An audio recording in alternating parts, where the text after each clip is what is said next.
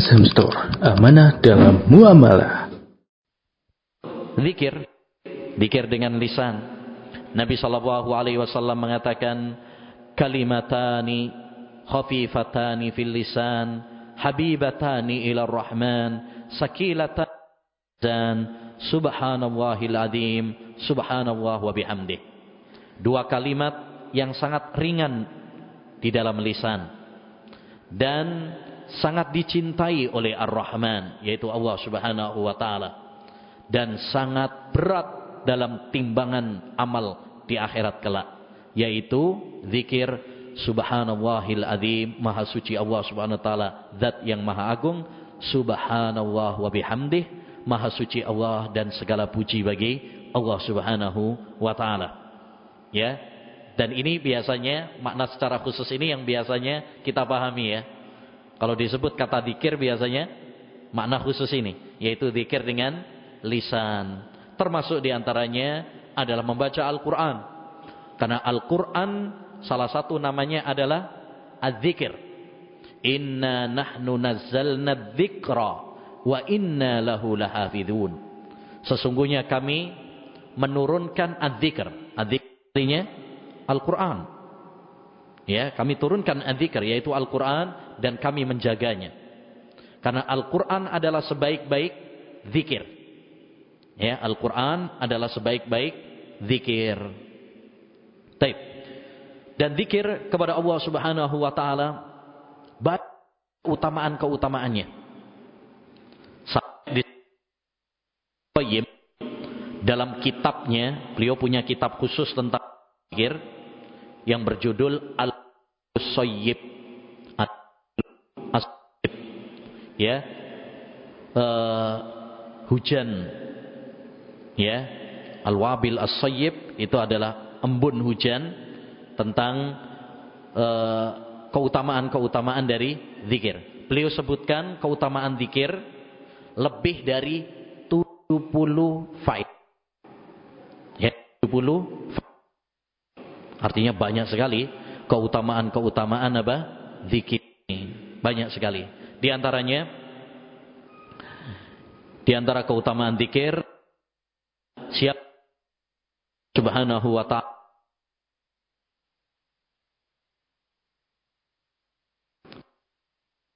mengingatnya.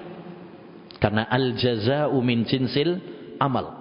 Balasan itu tergantung kepada amal perbuatan. Kata Al-Quran Al-Baqarah ayat 152 Fakuruni adhkurkum. Ingatlah akan mengingat kalian. Siapa yang mengingat Allah subhanahu wa ta'ala Maka Allah subhanahu wa ta'ala akan mengingatnya. Sebaliknya Siapa yang melalaikan Allah Maka Allah subhanahu wa ta'ala akan lalai darinya. Ya. Yang kedua di antara keutamaan dari zikir kepada Allah Subhanahu wa taala bahwa zikir adalah ya uh, konsekuensi keimanan termasuk bagian dari keimanan sebagaimana tadi dalam ayat-ayat Al-Qur'an yang sudah kita sebutkan.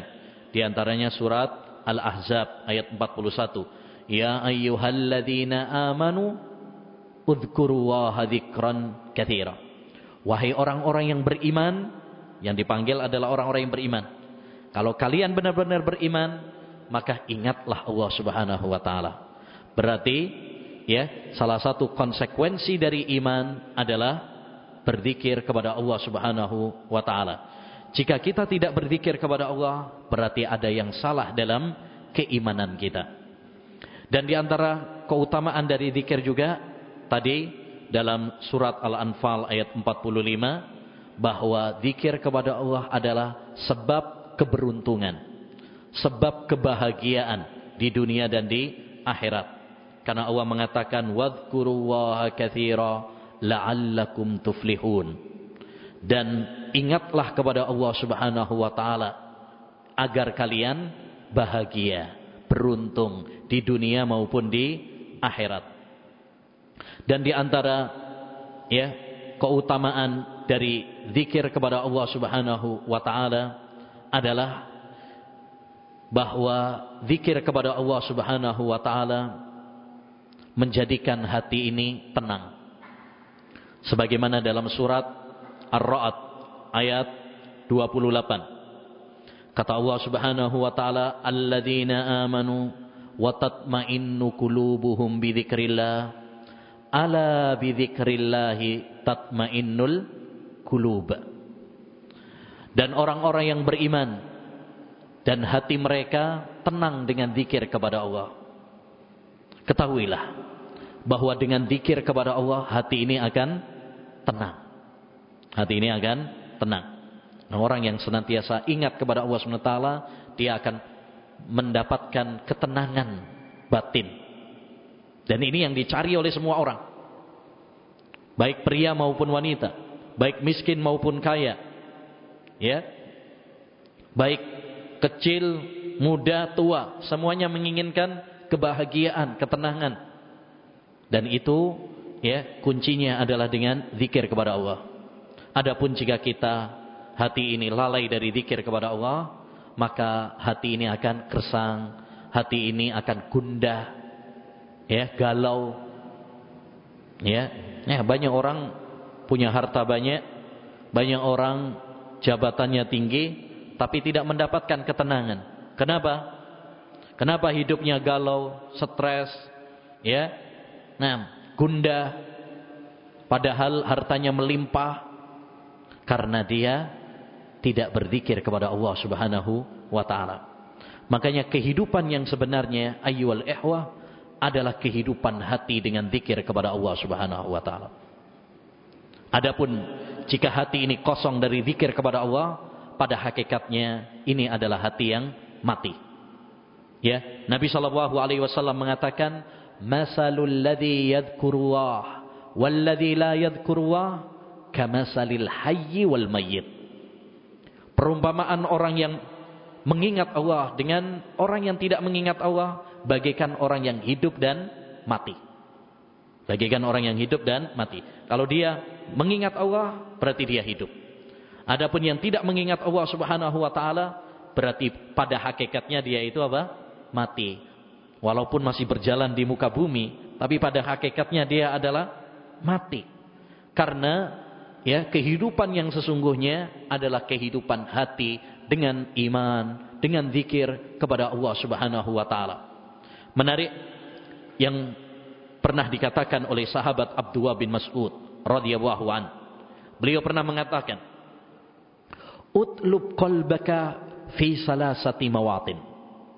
Carilah hatimu di tiga tempat.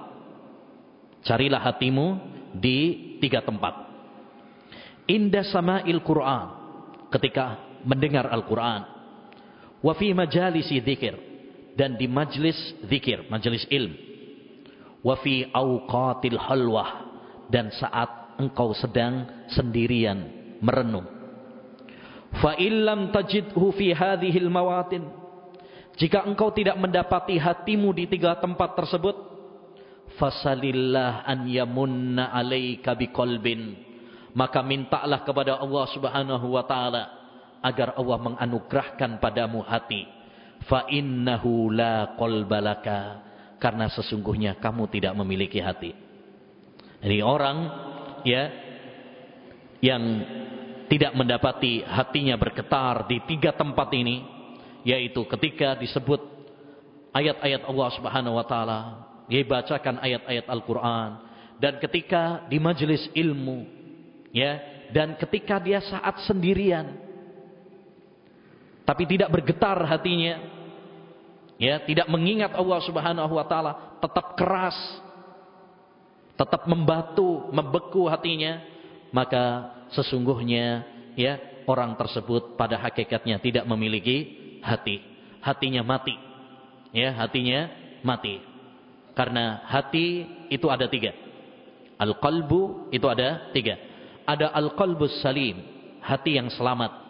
Yaitu hati orang-orang yang beriman dan beramal saleh. Yang kedua, hati yang mati. Yaitu hati orang-orang kafir. Yang penuh dengan noda maksiat dan kekufuran. Dan yang ketiga yaitu hati yang sakit. Ya, yaitu hati orang-orang yang beriman tapi dia terjatuh di dalam dosa dan kemaksiatan kepada Allah Subhanahu wa taala. Jadi intinya ma'asyiral muslimin ya di antara bekal menuju kampung akhirat adalah kita harus banyak mengingat Allah Subhanahu wa taala. Ya. Mengingat Allah Subhanahu wa taala di mana pun dan di kapan pun. Ya, hendaknya kita mengingat Allah Subhanahu wa taala. Ya. Dan mari kita renungkan di dalam Al-Qur'an tidak ada satupun lembar Al-Qur'an kecuali ada nama Allah Subhanahu wa taala. Kita kalau buka ayat Al-Qur'an itu, surat Al-Qur'an halaman per halaman, tidak ada satu halaman pun kecuali ada nama Allah Subhanahu wa taala. Kenapa? Ya, hikmahnya adalah agar kita senantiasa mengingat Allah Subhanahu wa taala. Karena hati tidak bisa dilepaskan dari zikir kepada Allah Subhanahu wa taala. Syekhul Islam Taimiyah pernah mengatakan, "Masalud dzikri masalil ma'i lis-samak fa kaifa halus samaki idza ukhrija minal ma. Ya. Zikir bagi hati manusia bagaikan air bagi ikan. Air bagi ikan bagaimana keadaan ikan jika dia dikeluarkan dari air ya kalau kita keluarkan ikan dari air, apa? Mati. Begitu juga hati apabila tidak ada zikir kepada Allah Subhanahu wa taala, maka hati tersebut hati yang gersang, hati yang mati wal billah. Ya. Maka hendaknya bagi kita ma'asyiral muslimin untuk senantiasa berzikir kepada Allah Subhanahu wa taala. Ya, berzikir kepada Allah Subhanahu wa taala. Dan ada dua hal yang perlu diperhatikan ketika kita berzikir kepada Allah. Yang pertama, hendaknya bagi kita berzikir dengan zikir-zikir yang sudah diajarkan oleh Rasulullah sallallahu alaihi wasallam. Karena zikir itu bagian dari ibadah. Zikir itu bagian dari ibadah dan ibadah tidak diterima oleh Allah Subhanahu wa taala kecuali dengan dua syarat. Syarat yang pertama ikhlas dan syarat yang kedua adalah mutabaah sesuai dengan tuntunan Rasulullah sallallahu alaihi wasallam. Ya.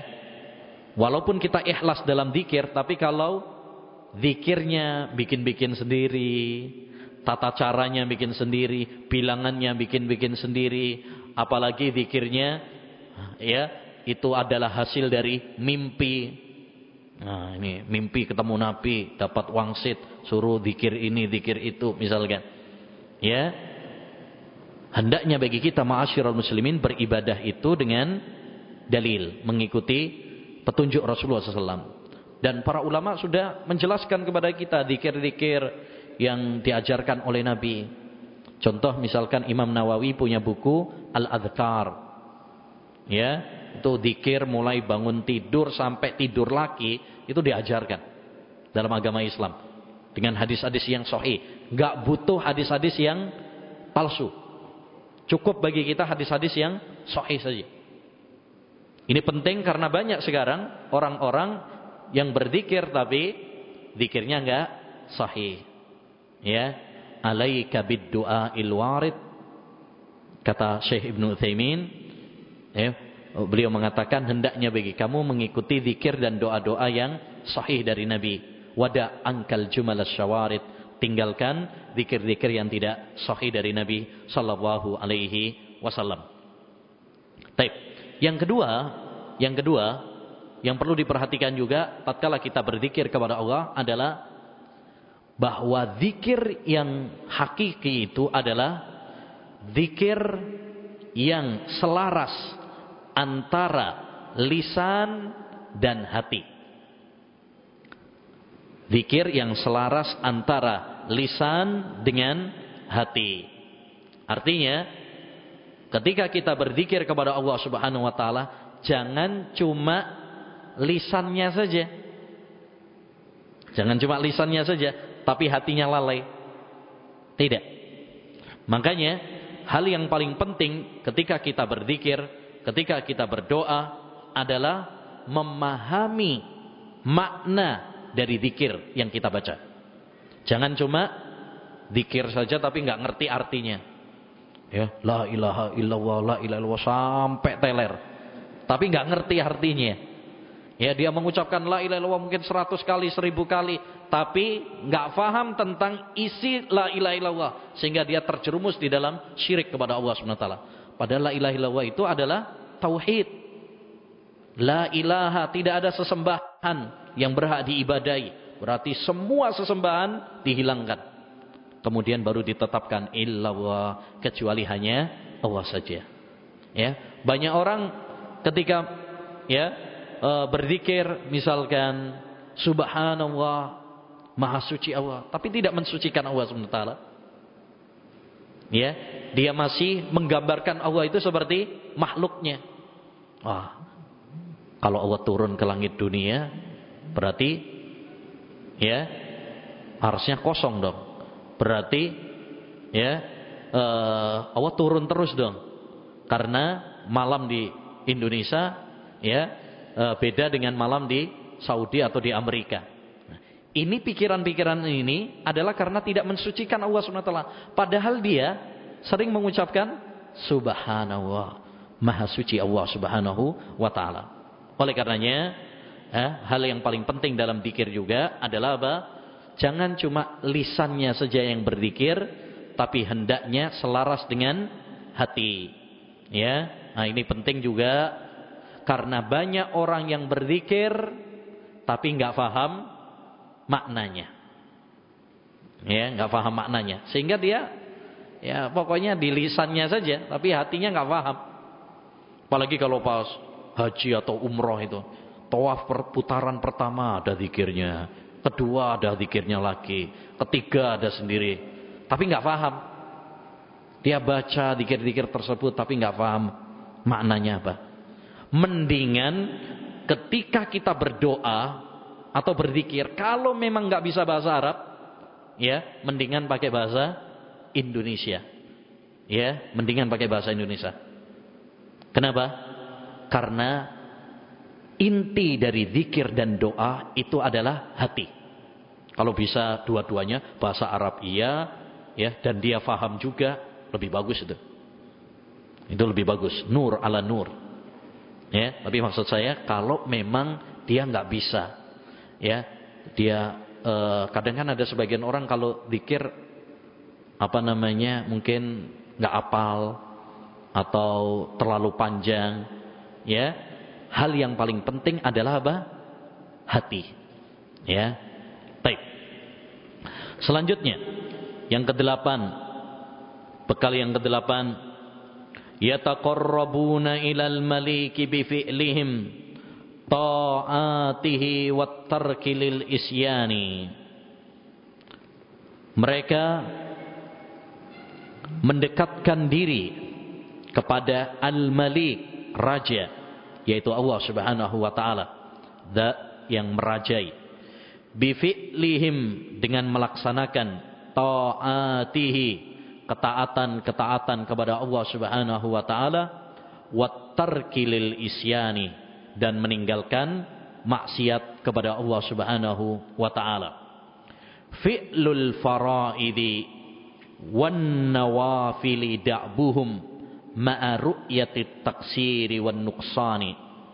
Mereka melaksanakan kewajiban-kewajiban dan perkara-perkara yang sunnah sembari mengakui bahwa dirinya banyak kekurangan. Ini juga salah satu bekal penting dalam perjalanan kita menuju kampung akhirat, yaitu apa? Bersungguh-sungguh melaksanakan perintah Allah Subhanahu wa taala, ketaatan kepada Allah Subhanahu wa taala dan meninggalkan dosa dan kemaksiatan kepada Allah Subhanahu wa taala.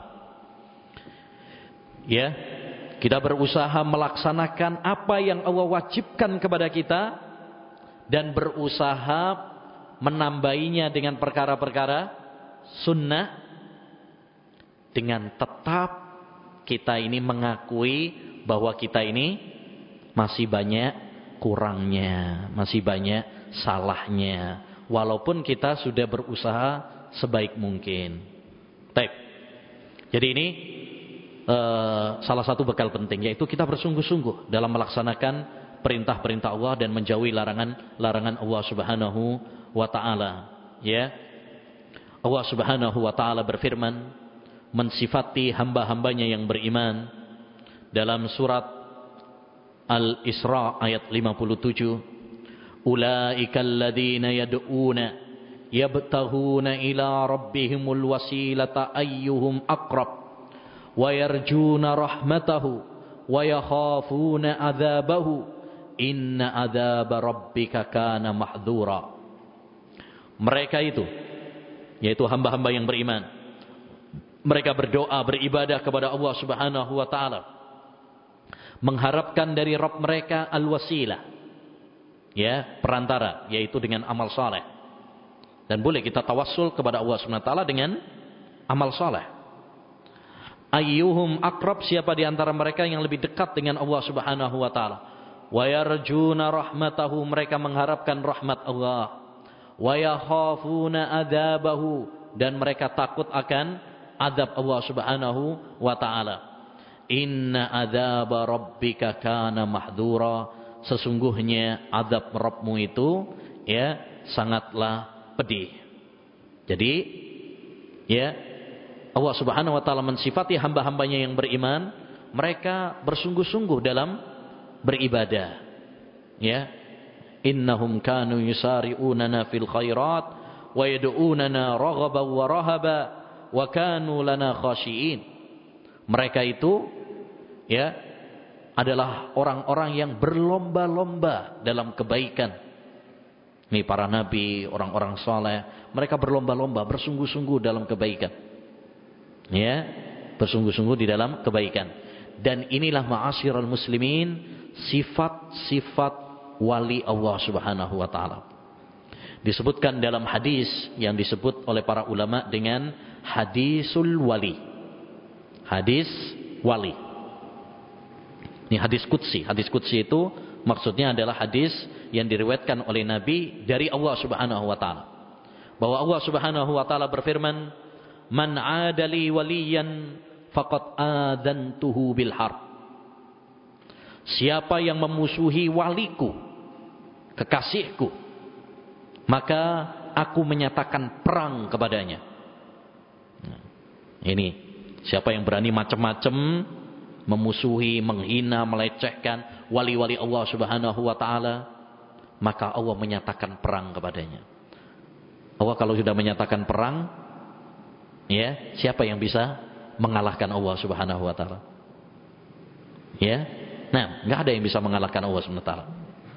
Taib, ini tentang wali. Siapa wali-wali Allah itu? Nah, ini penting nih. Karena sekarang ya banyak orang menganggap yang namanya wali itu yang punya kesaktian-kesaktian, kedikdayaan, keluar biasaan, yang bisa terbang, yang dibacok nggak apa-apa, ya, yang bisa makan paku, ya, yang apa lagi? Macam-macam, ya. Yang paling aneh lagi, ya, uh, dalam sebagian paham torikot ya sufi menganggap bahwasanya ada wali itu dari orang gila hmm, ya. orang gila jadi wali hmm, ya wali majdub katanya nah padahal wali Allah Subhanahu wa taala sudah jelas digam, dijelaskan di dalam Al-Qur'an siapa yang menjelaskan Allah sendiri dalam Al-Qur'an Surat Yunus ayat 62 63. Itu ayat yang menjelaskan tentang definisi wali. Dan tidak ada yang mendefinisikan tentang wali lebih jelas daripada Allah Subhanahu wa taala. Kata Allah Subhanahu wa taala, "Ala inna awliya Allahi la khaufun 'alaihim wala hum yahzanun alladzina amanu wa kanu yattaqun." Ketahuilah sesungguhnya wali-wali Allah Subhanahu wa taala itu tidak ada rasa takut bagi mereka. Jadi mereka enggak takut. Tidak gundah. Walahum yahzanun dan mereka tidak sedih. Ya. Terus siapa wali-wali Allah? Allah jelaskan. Ini namanya kalau dalam ilmu usul tafsir Al-Quran ditafsirkan dengan Al-Quran. Dalam ilmu tafsir itu, metode tafsir itu ada empat. Al-Quran ditafsirkan dengan Al-Quran. Al yang kedua, Al-Quran ditafsirkan dengan hadis. Yang ketiga, Al-Quran ditafsirkan dengan ucapan sahabat dan tabi'in. Kemudian yang keempat, Al-Quran ditafsirkan dengan bahasa Arab. Itu cara metode dalam menafsirkan Al-Quran. Lah ini Al-Quran ditafsirkan Al-Quran. Sebelumnya Allah mengatakan wali-wali Allah itu tidak takut dan tidak sedih.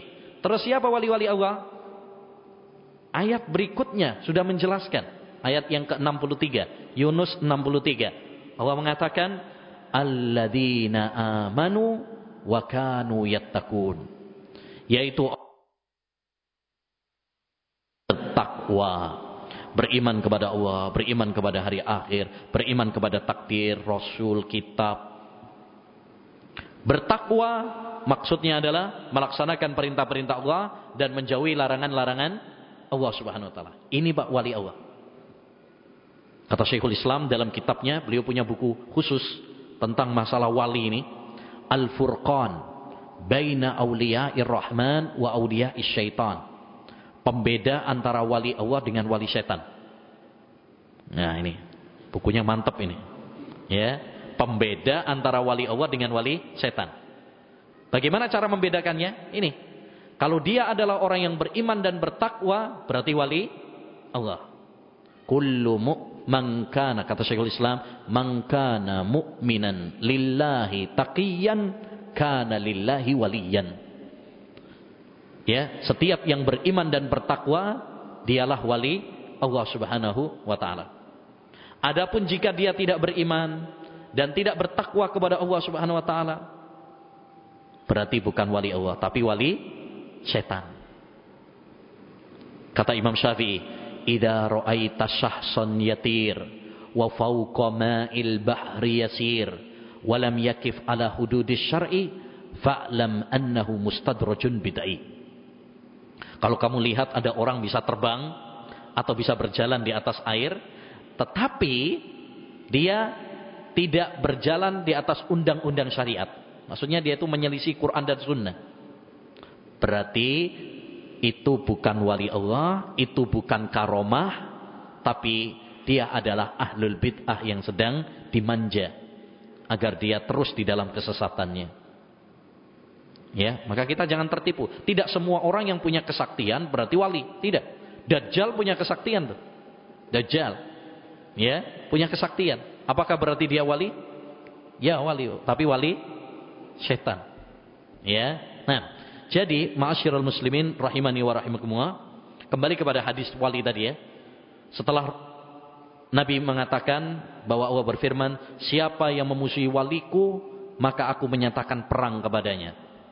Terus bagaimana kriteria wali? Wa ma taqarraba ilayya abdi bi syai'in ahabba ilayya mimma aftaradtuhu. Wa la yazalu abdi yataqarrabu ilayya bin nawafili hatta uhibbahu. Tidaklah hambaku mendekatkan diri kepadaku dengan suatu amalan yang lebih aku cintai daripada apa yang aku wajibkan kepadanya. Jadi yang paling dicintai oleh Allah itu kalau kita melaksanakan yang wajib. Sholat lima waktu, puasa Ramadan, menunaikan zakat, menunaikan ibadah haji, ya, berbakti kepada kedua orang tua dan lain sebagainya dari yang diwajibkan oleh Allah. Itu yang paling dicintai oleh Allah Subhanahu wa taala. Kemudian wala yazalu abdi dan hambaku senantiasa mendekatkan diri kepadaku bin nawafil dengan perkara-perkara sunnah. Artinya ini lebih sempurna lagi daripada yang wajib tadi. Kalau dia sudah melaksanakan yang wajib ini udah bagus. Tapi kalau dia bisa menambahi dengan yang sunnah lebih bagus lagi. Ya, lebih bagus lagi. Kenapa? Karena sunnah itu bisa menambal kekurangan-kekurangan kita. Bisa menambal kekurangan-kekurangan kita, menambah keimanan kita. Ya, menambah pahala bagi kita. Hatta uhibbahu. Kalau dia sudah melaksanakan yang wajib, ditambahi dengan yang sunnah, maka hasilnya aku akan mencintainya. Masya Allah. Ya, orang-orang yang bersemangat dalam beramal saleh, mereka akan dicintai sama Allah Subhanahu wa taala. Ya, dan tentu kita semuanya berharap agar kita dicintai sama Allah Subhanahu wa taala. Karena Allah kalau sudah mencintai berarti Allah akan menolong kita. Allah akan mengabulkan doa-doa kita. Allah akan menjaga kita dari mara bahaya. Ya. Nah, makanya dulu ketika Nabi Shallallahu alaihi wasallam pernah mengatakan pada saat Khaybar la'utiyanna rayata ghadan rajulan yuhibbu wa rasulah wa yuhibbuhu wa rasuluh ya. Aku akan berikan bendera perang ini kepada seorang yang cinta kepada Allah dan Rasulnya dan Allah dan Rasulnya pun cinta kepadanya. Ya. Dan Allah dan Rasulnya pun cinta kepadanya. Para sahabat malamnya langsung begadang. Siapa ya kira-kira yang mendapatkan bendera perang tersebut? Semuanya berharap dialah yang akan diberi. Bukan berarti para sahabat itu pengen pangkat, jabatan, tahta, enggak. Tetapi mereka pengen untuk meraih derajat dicintai oleh Allah dan Rasulnya dan Allah dan Rasulnya pun eh, dia cinta kepada Allah dan Rasulnya Allah dan Rasulnya pun cinta kepadanya. Itu yang mereka inginkan. Itu yang mereka perebutkan. Ya taib. Jadi ma'asyiral muslimin rahimani wa rahimakumullah bekal penting menuju uh, kampung akhirat adalah kita bersemangat dalam beramal saleh Bagaimana caranya kita ini supaya bersemangat dalam beramal soleh ya? Nah ini penting. Ya, karena kadang kita ini pingin untuk semangat, tapi kok ya abut. Ya, males. Ya, berat. Karena digoda sama setan. Maka mungkin perlu kita sampaikan beberapa sebab ya. Agar kita bisa uh, semangat ya dalam beribadah kepada Allah Subhanahu wa taala. Yang pertama, ma'asyiral muslimin, agar kita ini semangat dalam beribadah ya. Yang pertama adalah mengilmui tentang keagungan Allah. Kenalilah Allah. Kenalilah tentang kemuliaan dan keagungan Allah Subhanahu wa taala. Niscaya kita akan termotivasi untuk semangat beribadah kepadanya. Siapa yang semakin kenal kepada Allah, maka dia akan semakin cinta kepadanya. Ya. Innama yahsyallaha min ibadihil ulama. Kata Allah Subhanahu wa taala, sesungguhnya yang takut kepada Allah Subhanahu wa taala itu adalah al ulama, orang-orang yang mengenal Allah. Kata para ulama ussalaf, "Man billahi a'raf kana lillahi ahwaf." Siapa yang semakin mengenal Allah, maka dia akan semakin takut kepada Allah SWT. Jika kita mengenal Allah, tanda-tanda kekuasaannya, keagungannya, kemuliaannya, dan betapa sayangnya Allah kepada hambanya. Ya, kita merenung terhadap diri kita yang begitu banyak mendapatkan nikmat dari Allah Subhanahu wa taala, malu kita kemudian maksiat kepada Allah Subhanahu wa taala. Ya, ini jadi yang pertama adalah mengilmui tentang keagungan Allah Subhanahu wa taala. Yang kedua, yang kedua ma'asyiral muslimin agar kita ini semangat dalam beribadah kepada Allah Subhanahu wa taala ya, doa. Jangan lupa berdoa. Minta kekuatan kepada Allah Subhanahu wa taala. Minta kemudahan kepada Allah Subhanahu wa taala. Di antara doa yang diajarkan oleh Nabi ya, Beliau ajarkan kepada sahabat yang dia cintai yaitu Mu'ad bin Jabal. Ya Mu'ad, wallahi inni la uhibbuk. Wahai Mu'ad, demi Allah aku mencintaimu. Mu'ad bin Jabal ini seorang sahabat yang sangat dicintai oleh Nabi. Dia termasuk daftar sahabat yang pernah dibonceng oleh Nabi. Ada buku yang ditulis oleh Imam Ibn Mandah, Kitabu Ardafin Nabi. Sahabat-sahabat yang dibonceng sama Nabi. Salah satunya adalah Mu'ad bin Jabal. Kalau sudah dibonceng itu berarti sangat dekat dengan Nabi. Ya. Taib. Kata Nabi kepada Mu'ad, La tada'anna, wahai Mu'ad, sungguh aku mencintaimu. Demi Allah aku mencintaimu. Ya, ini hadis menarik ya yang disebut oleh para ulama dengan hadis musalsal bil mahabbah. Musalsal bil mahabbah itu rantai dengan mahabbah, cinta. Kenapa? Karena setiap perawi ketika menyampaikan hadis ini mengatakan wallahi inni la. Nabi mengatakan kepada Mu'ad, wallahi inni la. Nanti Mu'ad ketika menyampaikan hadis ini kepada muridnya, demi Allah aku mencintaimu. Begitu seterusnya. Itu namanya musalsal bil mahabbah. Saya juga punya nih, ya, sanad ya eh, yang sampai ya dengan hadis musalsal bil mahabbah ini. Ya, guru ana mengatakan wallahi innila uhibbuk. Terus Pak, sampai Nabi. Ya, itu namanya musalsal. Taib. Setelah Nabi memuji Mu'ad, aku mencintaimu, dikasih nasihat. Dan ini saya itu faedah penting. Kalau kita itu mau ngasih nasihat, puji dulu orangnya. Kita mau ngasih nasihat anak nih. Nah, puji dulu. Supaya apa? Lebih mudah untuk menerima nasihat. Wow, Masya Allah anak soleh. Baru kasih nasihat. Mau ngasih masukan kepada istri. Puji dulu. Itu. Biar lebih gampang apa? Nerima. Tapi kalau belum apa-apa. Ya anak bandel misalkan. Angel. Karena dari awal dia sudah apa? Nggak suka duluan. Ya, itulah salah satu e, metode Nabi ya. Taib. Demi Allah wa aku mencintaimu. La tada'anna duburah kulli salah. Jangan kamu tinggalkan untuk mengatakan di dubur kulli salah. Dubur ini ada dua makna, perselisihan dengan para ulama. Ada yang memaknakan penghujung solat. Kalau penghujung solat berarti masih di dalam sholat. Cuma di penghujungnya. Yaitu sebelum salam. Ya. Makna yang kedua adalah setelah salam. Jadi, maksudnya jangan kamu lupakan untuk mengatakan setiap selesai sholat. Berarti setelah salam. Ya.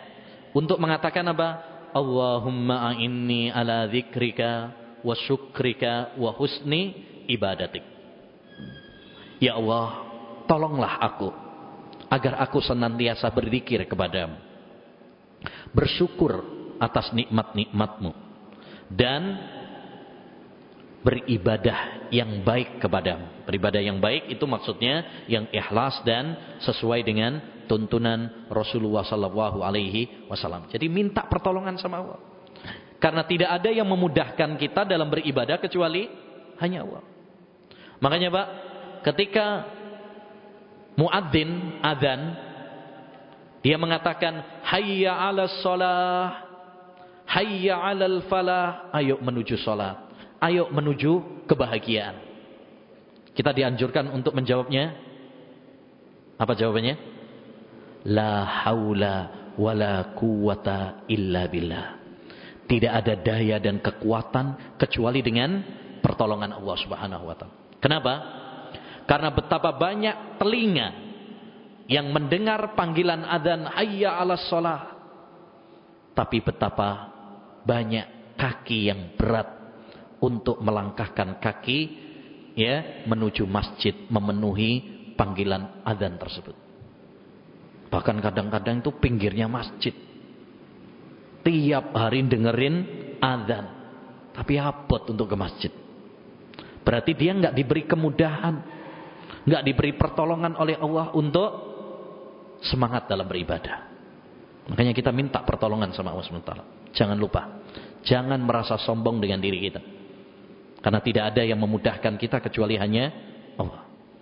Yang ketiga ma'asyiral muslimin. Di antara kiat kita agar kita semangat dalam beribadah itu adalah kita harus berjuang melawan hawa nafsu kita. Perlu melatih. Ya, perlu berjuang, berkorban, sabar. Ya. Nah, makanya Allah Subhanahu wa taala mengatakan dalam surat Al-Ankabut ayat 69, "Walladzina jahadu fina lanahdiyannahum subulana." Dan orang-orang yang berjuang di jalan kami, kami akan berikan hidayah ya kepada mereka menuju jalan kami. Ya, karena yang namanya hawa nafsu pengennya males-malesan. Ya, subuh misalkan walaupun dengar adzan pengennya apa? Turu. Pemaneng adem-adem udan-udan. Yes. Pemaneng kasur empuk. Ya, mas. Tapi kita harus melawan.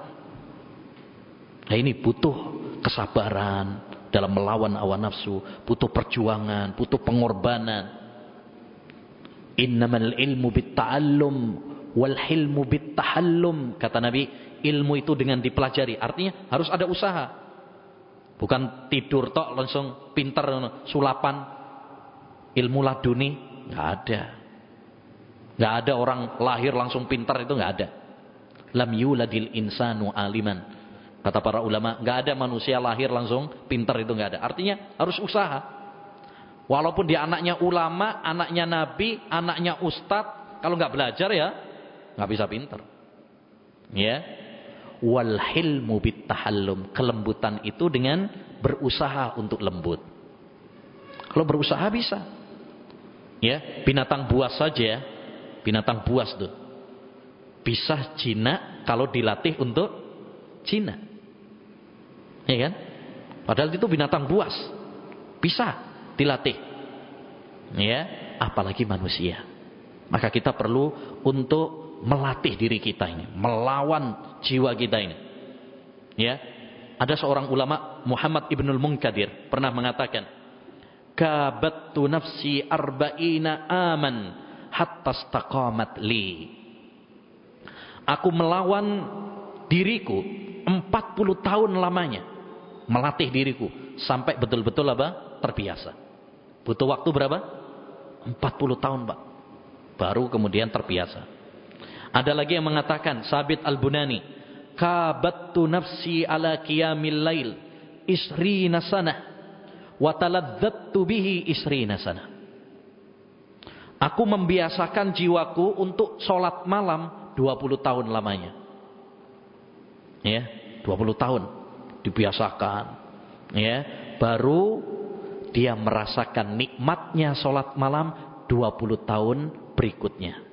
20 tahun melatih, 20 tahun baru merasakan nikmatnya, lezatnya sholat malam. Artinya butuh waktu yang lama, butuh perjuangan. Ya. Nah, di antara kiat juga agar kita uh, semangat dalam beribadah ya adalah adalah meninggalkan dosa. Tinggalkan dosa. Karena dosa ini yang bikin apa? Berat, bikin malas itu dosa. Ada seorang pernah datang kepada Hasan Al-Basri.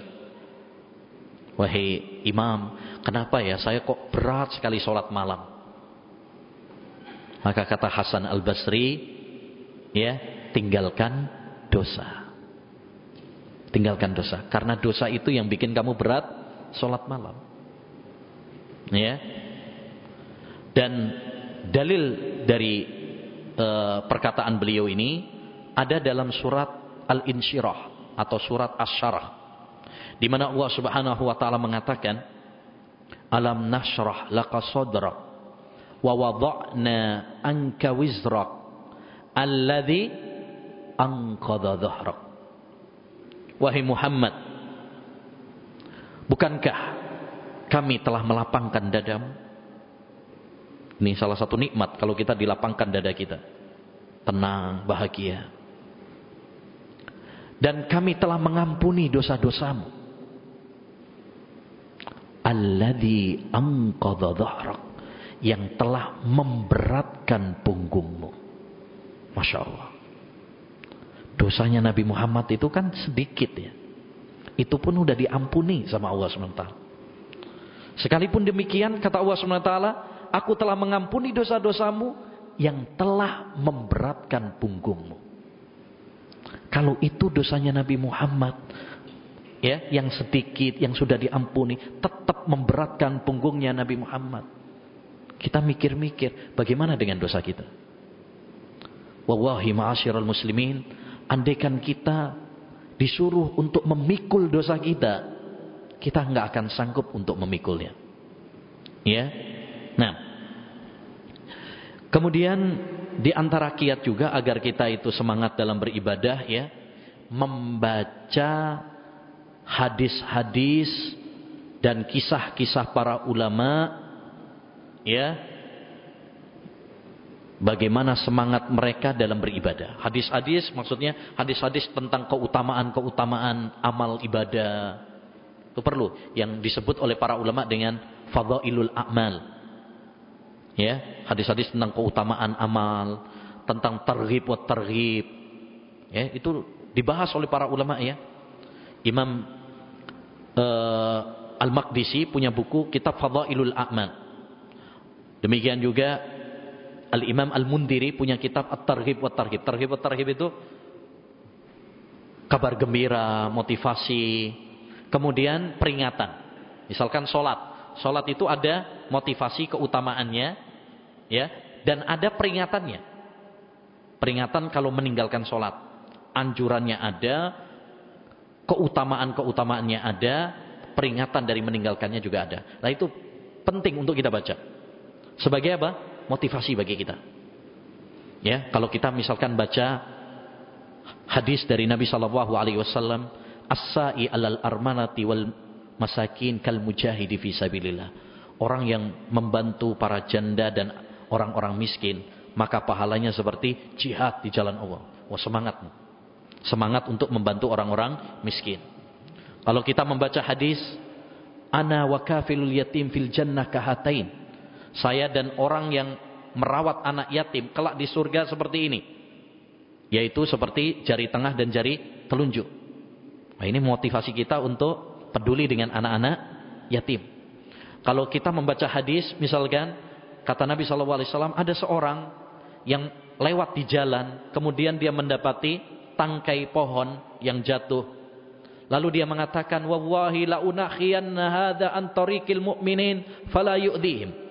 Saya akan singkirkan ya pohon ini supaya tidak mengganggu tangkai pohon ini supaya tidak mengganggu orang-orang yang beriman. Lalu kata Nabi, faudahilal jannah. Orang tersebut dimasukkan ke surga. Wah, ini memotivasi kita. Kalau kita pas jalan atau pas sepedaan, terus ada gangguan, paku, batu, kayu, atau yang sering tuh biasanya apa? Tikus. Nah, korban tabrak lari biasanya. Nah, nah itu e, kita singkirkan dapat pahala. Jadi termotivasi, semangat kalau kita baca. Demikian juga kalau kita baca hadis-hadis Nabi, bagaimana semangatnya Nabi, para sahabat dalam beribadah, masya Allah. Nabi SAW sholat malam sampai bengkak kakinya. Para salaf dahulu mereka bagaimana dalam beribadah kepada Allah SWT. Ya. Ada yang sangat berbakti kepada orang tua. Nah, kita tiru tuh. Ada menarik ya, ada salah seorang ulama namanya Haywah bin Suraih. Haywah bin Suraih. Dia itu seorang ulama ngaji eh, pas lagi pengajian ibunya datang. Ibunya datang. Mengatakan apa? Ya Haywah kum, wahai Haywah, ke sini dulu kasih makan ayamnya. Dia punya ayam, ibunya punya ayam. Nyuruh anaknya yang lagi taklim nih, ngajar, suruh apa? Ngasih makan dulu ayamnya. Apa yang dilakukan oleh Haywah ibnu Suraih? Dia tinggalkan majelisnya, dia ngasih makan ayamnya dulu. Masya Allah. Ya, dia nggak marah sama ibunya. Bu sama nggak ngerti dong lagi pengajian. Ya, enggak. Itu menunjukkan apa? Baktinya ya para ulama dulu kepada orang tua. Lah, kisah-kisah seperti itu ma'asyiral muslimin perlu kita baca supaya kita apa? Semangat dalam beribadah. Karena kisah itu memiliki perang. Demikian juga ya yang terakhir mungkin ki, uh, termasuk kiat agar kita semangat dalam beribadah adalah berteman dengan orang-orang yang soleh. Karena pengaruhnya teman itu luar biasa. Kalau kita berteman dengan orang-orang yang semangat beribadah, semangat ngaji ilmu agama, semangat Pak. Kalau berteman dengan orang-orang yang malas, ya ketularan malas bisa. Nular. Teman itu nular. Almaru ala dini khalilihi kata Nabi. Seorang itu berdasarkan temannya. Falyandur ahadukum man yukhalil. Makanya seorang itu hendaknya selektif dalam berteman kata Nabi. Taib. Selanjutnya yang kedelapan ya di antara uh, mendumah yang kedelapan sabarun nufusa alal makarihi kulliha syauqan ila ma fihi min ihsani. Mereka bersabar atas hal-hal yang tidak mereka inginkan syauqan ila ma fihi min ihsani karena mereka merindukan kebaikan dan pahala dari Allah Subhanahu wa taala. Nah, ini yang ke sepuluh ya. Di antara bekal menghadap akhirat ya adalah sabar. Betul ini, penting sekali ini. Sabar. Kita dalam perjalanan dunia saja, jangankan perjalanan menuju akhirat. Perjalanan dunia saja harus sabar. Ya. Kata Nabi SAW, As-sabru uh, as-safaru kit'atun minal adab. Safar itu adalah bagian dari adab. Siksaan. Yang namanya safar, orang ada apa? Kadang macet, butuh kesabaran, enggak sabar tabrak kabel. Ya. Kadang mungkin panas. Oh kalau sekarang alhamdulillah ono AC ya enak mobil. Nah, zaman dulu. Ya, zaman dulu kadang jalan kaki, naik unta, panas, Pak. Ya. Ya. Atau sekarang juga nggak semuanya ada AC-nya. Ada yang Pazero, panas jobo jeru. Ya. Ada yang mungkin yang sepeda motoran panas juga, hujan kehujanan. Ya. Artinya kalau safar di dunia saja kita harus sabar antri macet apalagi kalau misalkan ya e, bocor bannya, rusak mobilnya, mogok harus sabar. Apalagi perjalanan menuju akhirat. Ya, maka bekal yang paling utama yang harus kita miliki dalam perjalanan menuju kampung akhirat adalah bekal sabar. Ya. Allah Subhanahu wa taala sering menyebut kata sabar dalam Al-Qur'an Kata Imam Ahmad lebih dari 90 tempat dalam Al-Quran. Allah menyebut kata sabar, memuji kata sabar, ya, menjelaskan keutamaan orang-orang yang sabar, pahala bagi orang-orang yang sabar, itu lebih dari 90 ayat dalam Al-Quran. Saking pentingnya sabar ini. Di antaranya Allah Subhanahu wa taala berfirman, di dalam Al-Quran surat Al-Baqarah ayat 155 157 ya termasuk ini ayat uh, anjuran untuk sabar dan keutamaan orang-orang yang sabar. Nih kata Allah Subhanahu wa taala wabassiris sabirin. Berikanlah kabar gembira bagi orang-orang yang sabar. Alladzina idza asabathum musibatun yaitu orang-orang yang ketika musibah menimpa mereka. Qalu inna lillahi wa inna ilaihi rajiun. Mereka mengatakan kami semua adalah milik Allah. Kita semuanya ini milik Allah. Kita keluarga kita harta kita jabatan kita semuanya adalah milik Allah. Wa inna ilaihi rajiun. Dan semua kita akan kembali kepada Allah Subhanahu wa taala jadi kita di dunia ini cuma sementara. Ya, cuma sementara, bentar aja. Kita pun nggak tahu kapan Allah Subhanahu wa taala akan mengambil nyawa kita.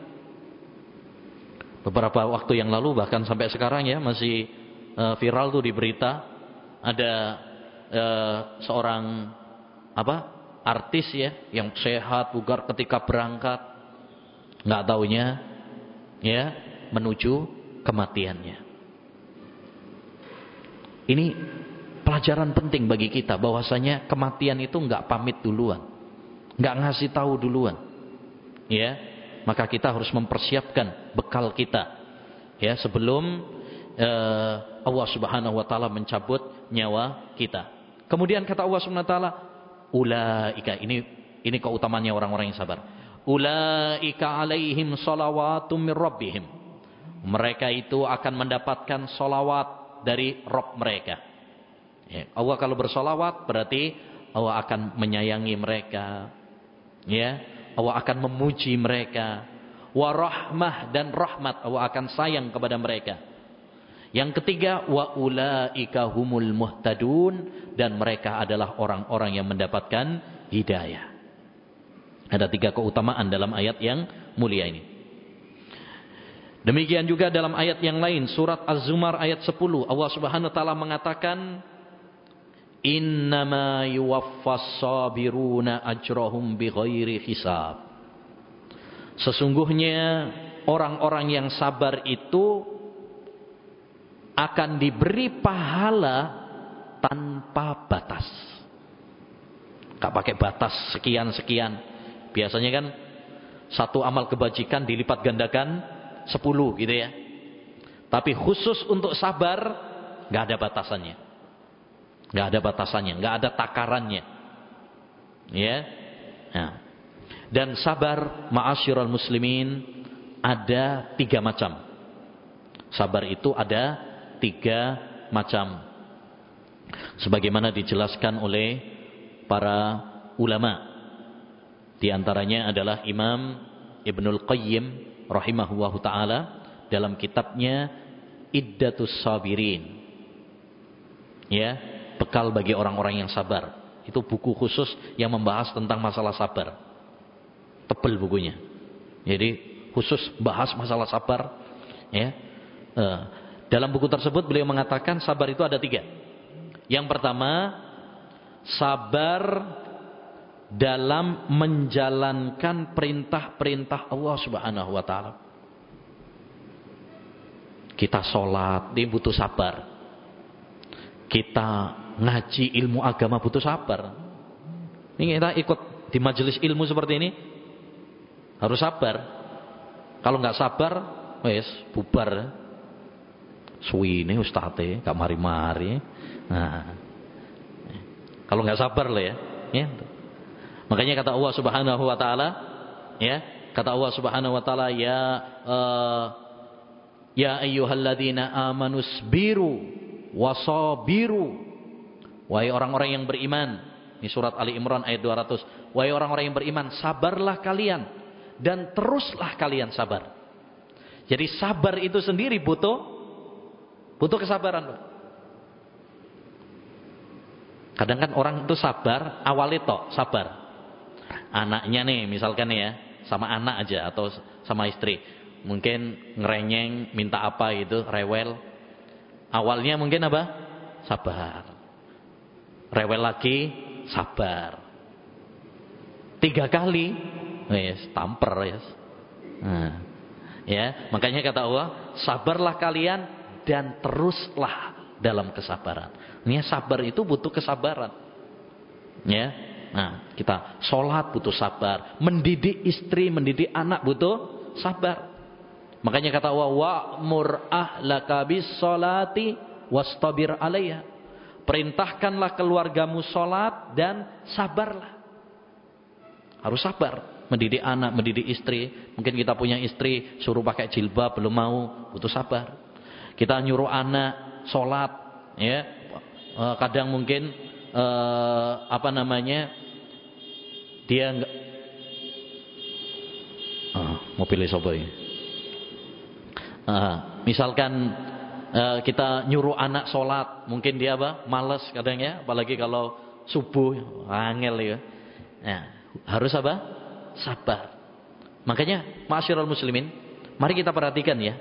Ketika Rasulullah menyuruh kita untuk untuk mendidik anak sholat, itu umur berapa? Umur tujuh tahun, sudah diperintah sholat. Padahal umur tujuh tahun sudah balik belum? Belum. Balik itu rata-rata umur lima belas. Rata-rata. Ada tanda-tanda balik, tapi kalau umur, tanda baliknya dengan umur itu 15. Kita asumsikan anak itu balik umur 15 tahun. Misalkan. Tapi umur 7 tahun sudah disuruh sholat. Sudah disuruh sholat. Berarti kita butuh berapa tahun mendidik anak kita sholat? 8 tahun. 8 tahun kita mendidik anak kita sholat. 8 tahun bukan waktu yang singkat. Artinya butuh kesabaran, ketelatenan dalam mendidik. Yang kedua, yang kedua, sabar dalam meninggalkan larangan-larangan Allah Subhanahu wa taala. Ini, meninggalkan larangan-larangan Allah taala. Kenapa? Butuh kesabaran karena sering kali hawa nafsu itu mengajaknya kepada maksiat dan dosa. Innan nafsala ammaratum bisu sesungguhnya hawa nafsu manusia itu sering kali mengajak maksiat dan dosa. Nah, kita harus sabar mengekang hawa nafsu kita. Wa amma man khafa maqama rabbih wa nahan nafsa 'anil hawa fa innal jannata hiyal ma'wa. Ya, kata Allah Subhanahu wa taala, barang siapa yang takut kepada Allah Subhanahu wa taala dan mengekang hawa nafsunya, maka ya mereka akan mendapatkan surga dari Allah Subhanahu wa taala. Ya.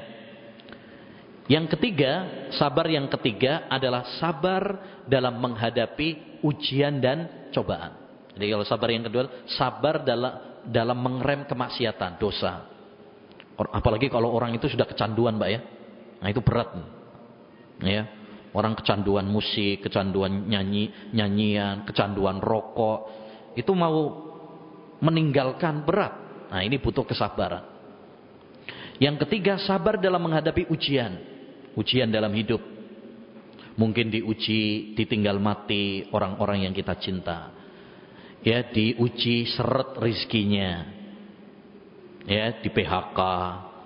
Lesu ekonominya, sepi dagangannya diuji dengan sakit, ya mungkin dia sakit dan sebagainya. Maka ini hendaknya bagi kita untuk hadapi dengan apa? Sabar. Ya kita hadapi dengan sabar. Kata Nabi SAW, ajaban li amril mu'min, sungguh menakjubkan urusan orang-orang yang beriman. Inna amrohu kullahu khair. Semua urusannya itu apa? Baik baginya. In asabathu sarra'u syakara fakana khairan lahu.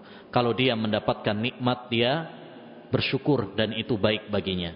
Wa in asabathu dharra'u sabara fakana khairan lahu. Dan apabila dia mendapatkan musibah maka dia sabar dan itu pun baik baginya. Jadi orang mukmin itu nggak ada istilah kamusnya stres, apalagi bunuh diri, nggak ada. Kalaupun dia mendapatkan ujian, dia hadapi dengan apa? Sabar. Ya, di saat mungkin orang stres gara-gara apa ppkm ya diperketat kayak kemarin ya semuanya pada lesu eh, ekonominya orang-orang yang beriman tidak dia yakin dengan Allah SWT dia hadapi dengan apa? Sabar. Yang terakhir syakarul ladzi aulal khalaiqa fadlahu bil qalbi wal aqwali wal arkani. Mereka bersyukur kepada Allah Subhanahu wa taala yang menganugerahkan ya nikmat kepada makhluk-makhluknya dengan hati, ucapan dan anggota badan. Yani syukurnya itu dengan hati, dengan ucapan dan dengan anggota badan. Baik. Beliau di sini bekal menuju kampung akhirat yang berikutnya adalah apa? syukur kepada Allah Subhanahu wa taala. Ya, syukur kepada Allah Subhanahu wa taala. Ini diletakkan setelah sabar ya. Karena memang ini Dua bersaudara ini. Syukur sama sabar. Sampai-sampai Ali bin Abi Thalib pernah mengatakan al-imanu nisfan. Iman itu uh, terbagi menjadi dua. Nisfu sabrin wa nisfu syukrin. Separuhnya sabar, separuhnya syukur. Ya. Itu kata sahabat Ali bin Abi Thalib. Taib. Artinya sabar kalau kita mendapatkan musibah. Syukur kalau kita mendapatkan nikmat dari Allah Subhanahu wa taala. Allah berfirman dalam Al-Quran menganjurkan kepada kita untuk bersyukur atas nikmat-nikmatnya. Dalam surat An-Nahl ayat 114 dan sebagai faedah surat An-Nahl nama lainnya adalah surat An-Ni'am. Surat An-Nahl lebah itu nama lainnya adalah surat An-Ni'am nikmat-nikmat Kenapa surat An-Nahl disebut dengan surat An-Ni'am? Karena dalam surat tersebut Allah banyak menyebutkan tentang nikmat-nikmatnya kepada hamba. Allah banyak menyebutkan nikmat-nikmatnya kepada hamba. Dan di dalam surat tersebut pada ayat yang ke-114 setelah menyebutkan banyak nikmat, Allah menganjurkan kita untuk bersyukur. Washkuru nikmatallahi in kuntum iyyahu ta'budun. Dan syukurilah nikmat-nikmat Allah. Di sini maknanya nikmat-nikmat Allah. Walaupun di situ satu nikmat ya. Kalau dalam bahasa Arab itu mufrad, satu nikmat. Tapi di sini kita terjemahkan nikmat-nikmat. Kenapa? Karena dia bersambung. Nikmat Allah. Kalau dalam bahasa Arab namanya mudhaf ilaih bersambung kepada isim ma'rifat yaitu lafaz jalalah. Ya, kata para ulama, isim mufrad apabila bersambung maka itu namanya menunjukkan jamak. Banyak. Ya, dan itu sesuai dengan firman Allah, wa in ta'uddu ni'matallahi la tusuha. Kalau kalian menghitung nikmat-nikmat Allah, nggak mungkin di situ satu. Kalau satu bisa dihitung dong. Tapi kata Allah, kalau kalian menghitung nikmat-nikmat Allah, kalian nggak akan sanggup menghitungnya. Ya, Syukurilah nikmat-nikmat Allah. Jika kalian hanya beribadah kepadanya saja. Di situ menunjukkan kepada kita bahwa syukur itu termasuk bagian dari ibadah. Syukur itu termasuk bagian dari ibadah yang harus kita berikan kepada Allah Subhanahu wa taala karena Allah banyak memberikan nikmatnya kepada kita, ya. Nah, kemudian Perlu diketahui di dalam e, bahwa syukur itu manfaatnya adalah untuk diri kita sendiri, Pak. Syukur itu bukan untuk Allah Subhanahu wa taala. Kalau kita bersyukur berarti Allah Subhanahu wa taala e, bertambah kerajaannya. Enggak. Kita mau bersyukur atau enggak bersyukur itu tidak merubah kerajaan Allah. Ini perlu kita pahami baik-baik. Sehingga kita menjadi hamba-hamba yang merasa butuh sama Allah. Yang butuh itu kita. Bukan Allah yang butuh sama kita. Ya. Kalau ada yang murtad, ada yang kufur terhadap nikmat Allah. Itu enggak me mempengaruhi kerajaan Allah sedikit pun. Ya, beberapa waktu yang lalu ada yang murtad ya. Itu sama sekali enggak mengurangi kerajaan Allah SWT. Bahkan itu merugikan dirinya sendiri. Ya, karena dia yang bakal rugi di dunia maupun di akhirat. Allah nggak bakalan rugi sama sekali. Ya. Karena Allah tidak butuh sama kita, kita yang butuh sama Allah Subhanahu wa taala. Siapa yang bersyukur kepada Allah pada hakikatnya apa? Manfaatnya kembali kepada dirinya. Karena orang yang bersyukur Allah akan tambahkan nikmatnya kepadanya. La in syakartum la azidannakum. Jika kalian bersyukur, aku akan tambahkan nikmatku kepada kalian. Waman syakara fa innama yashkuru li nafsih. Siapa yang bersyukur berarti dia bersyukur untuk dirinya. Makanya kata para ulama, qayyidun ni'ama bisyukri. Ikatlah nikmat-nikmat Allah itu dengan syukur. Ya, makanya syukur itu oleh para ulama disebut dengan al-hafid penjaga. Karena dengan bersyukur akan terjaga nikmat Allah. Adapun apabila kita tidak bersyukur, Allah akan cabut nikmat tersebut satu persatu dari kita. Naudzubillah min dalik. Kalau kita nggak bersyukur, Allah akan cabut nikmat yang Allah berikan kepada kita satu demi satu. Taib. Kemudian syukur ada tiga macam. Seperti yang diisyaratkan oleh penulis ya. Bil qalbi wal akwali wal arkani. Syukur itu dengan hati, dengan ucapan, dan dengan anggota badan. Kalau sabar tadi ada tiga macam, syukur juga ada tiga macam. Yang pertama, syukur dengan hati. Apa maksudnya syukur dengan hati? Maksud syukur dengan hati adalah kita meyakini bahwa semua nikmat yang kita peroleh itu semata-mata datangnya hanya dari Allah saja. Bukan karena kehebatan kita, bukan karena kehebatan tim kita, tetapi itu adalah semata-mata anugerah dari Allah kepada kita. Karena Allah sayang sama kita. Wa ma bikum min nikmatin faminallah.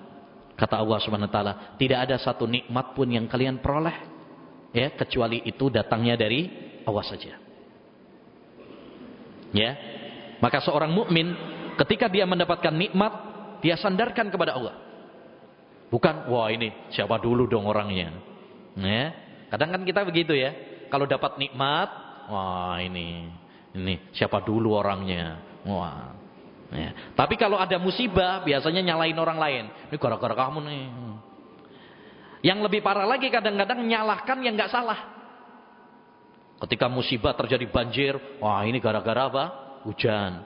Ya, e, ketika terjadi gempa bumi, wah ini gara-gara apa? Tanahnya udah tua. Ya, ketika terjadi meletus gunung yang disalahin gunungnya. Ketika terjadi tsunami yang disalahin lautnya. Padahal mereka nggak salah. Gunung, laut itu hanyalah prajurit Allah Subhanahu wa taala yang nyuruh Allah. Ya, mereka adalah pasukan-pasukan Allah Subhanahu wa taala. Baik. Ini yang pertama. Yang kedua, syukur dengan lisan. Apa maksudnya syukur dengan lisan? Yaitu kita memuji Allah Subhanahu wa taala yang telah memberikan nikmat kepada kita. Dengan mengucapkan alhamdulillah. Segala puji bagi Allah Subhanahu wa taala. Alhamdulillah itu artinya ya zikru mah, mahasinil mahmudi bil kamal mahabbatan wa ta'diman. Kita menyebutkan kebaikan-kebaikan Allah atas dasar cinta dan pengagungan. Makanya kita sering kan dianjurkan oleh Allah untuk mengucapkan alhamdulillah. Atau Rasulullah SAW. Habis sholat, eh habis sholat, habis makan disuruh mengucapkan alhamdulillah. Karena makan itu nikmat pak. Sebagian ulama mengatakan orang bisa makan dan bisa mengeluarkannya, maksudnya ee, -e, itu berarti terkumpul padanya 90 macam nikmat. Masya Allah. Orang bisa makan. Kan nggak semuanya orang bisa makan. Bahkan kadang sebagian orang kaya nggak bisa makan. Kenapa? Nah, sakit. Ada orang miskin nggak bisa makan. nggak punya duit. Ya. Nah. Kemudian bisa mengeluarkannya. Itu juga nikmat Pak. Bayangkan kalau kita makan-makan terus tapi nggak bisa mengeluarkan ya tersiksa sampai ada uh, teman saya cerita bahwa kerabatnya gara-gara nggak bisa ngentut operasi pak 70 juta. Gak iso ngentut. Kita masya Allah ya prat-prat nah, ini berat nikmat pak dari Allah subhanahu wa taala. Kadang kita yang kurang mensyukuri. Kita yang kurang apa? Mensyukuri. Wa qalilum min ibadiya syakur. Sedikit sekali di antara hambaku yang bersyukur. Ya, bangun tidur kita dianjurkan untuk mengucapkan alhamdulillah. Karena bangun itu nikmat. Ketika bersin kita dianjurkan mengucapkan alhamdulillah. Bersin itu nikmat. Bersin itu adalah nikmat. Ya, baik. Yang terakhir syukur dengan anggota badan. Ini yang paling penting. Apa maksudnya syukur dengan anggota badan? yaitu menggunakan nikmat-nikmat Allah Subhanahu wa taala dalam rangka mendekatkan diri kepada Allah.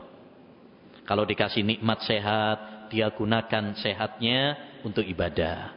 Kalau dikasih harta, dia belanjakan hartanya di jalan Allah Subhanahu wa taala.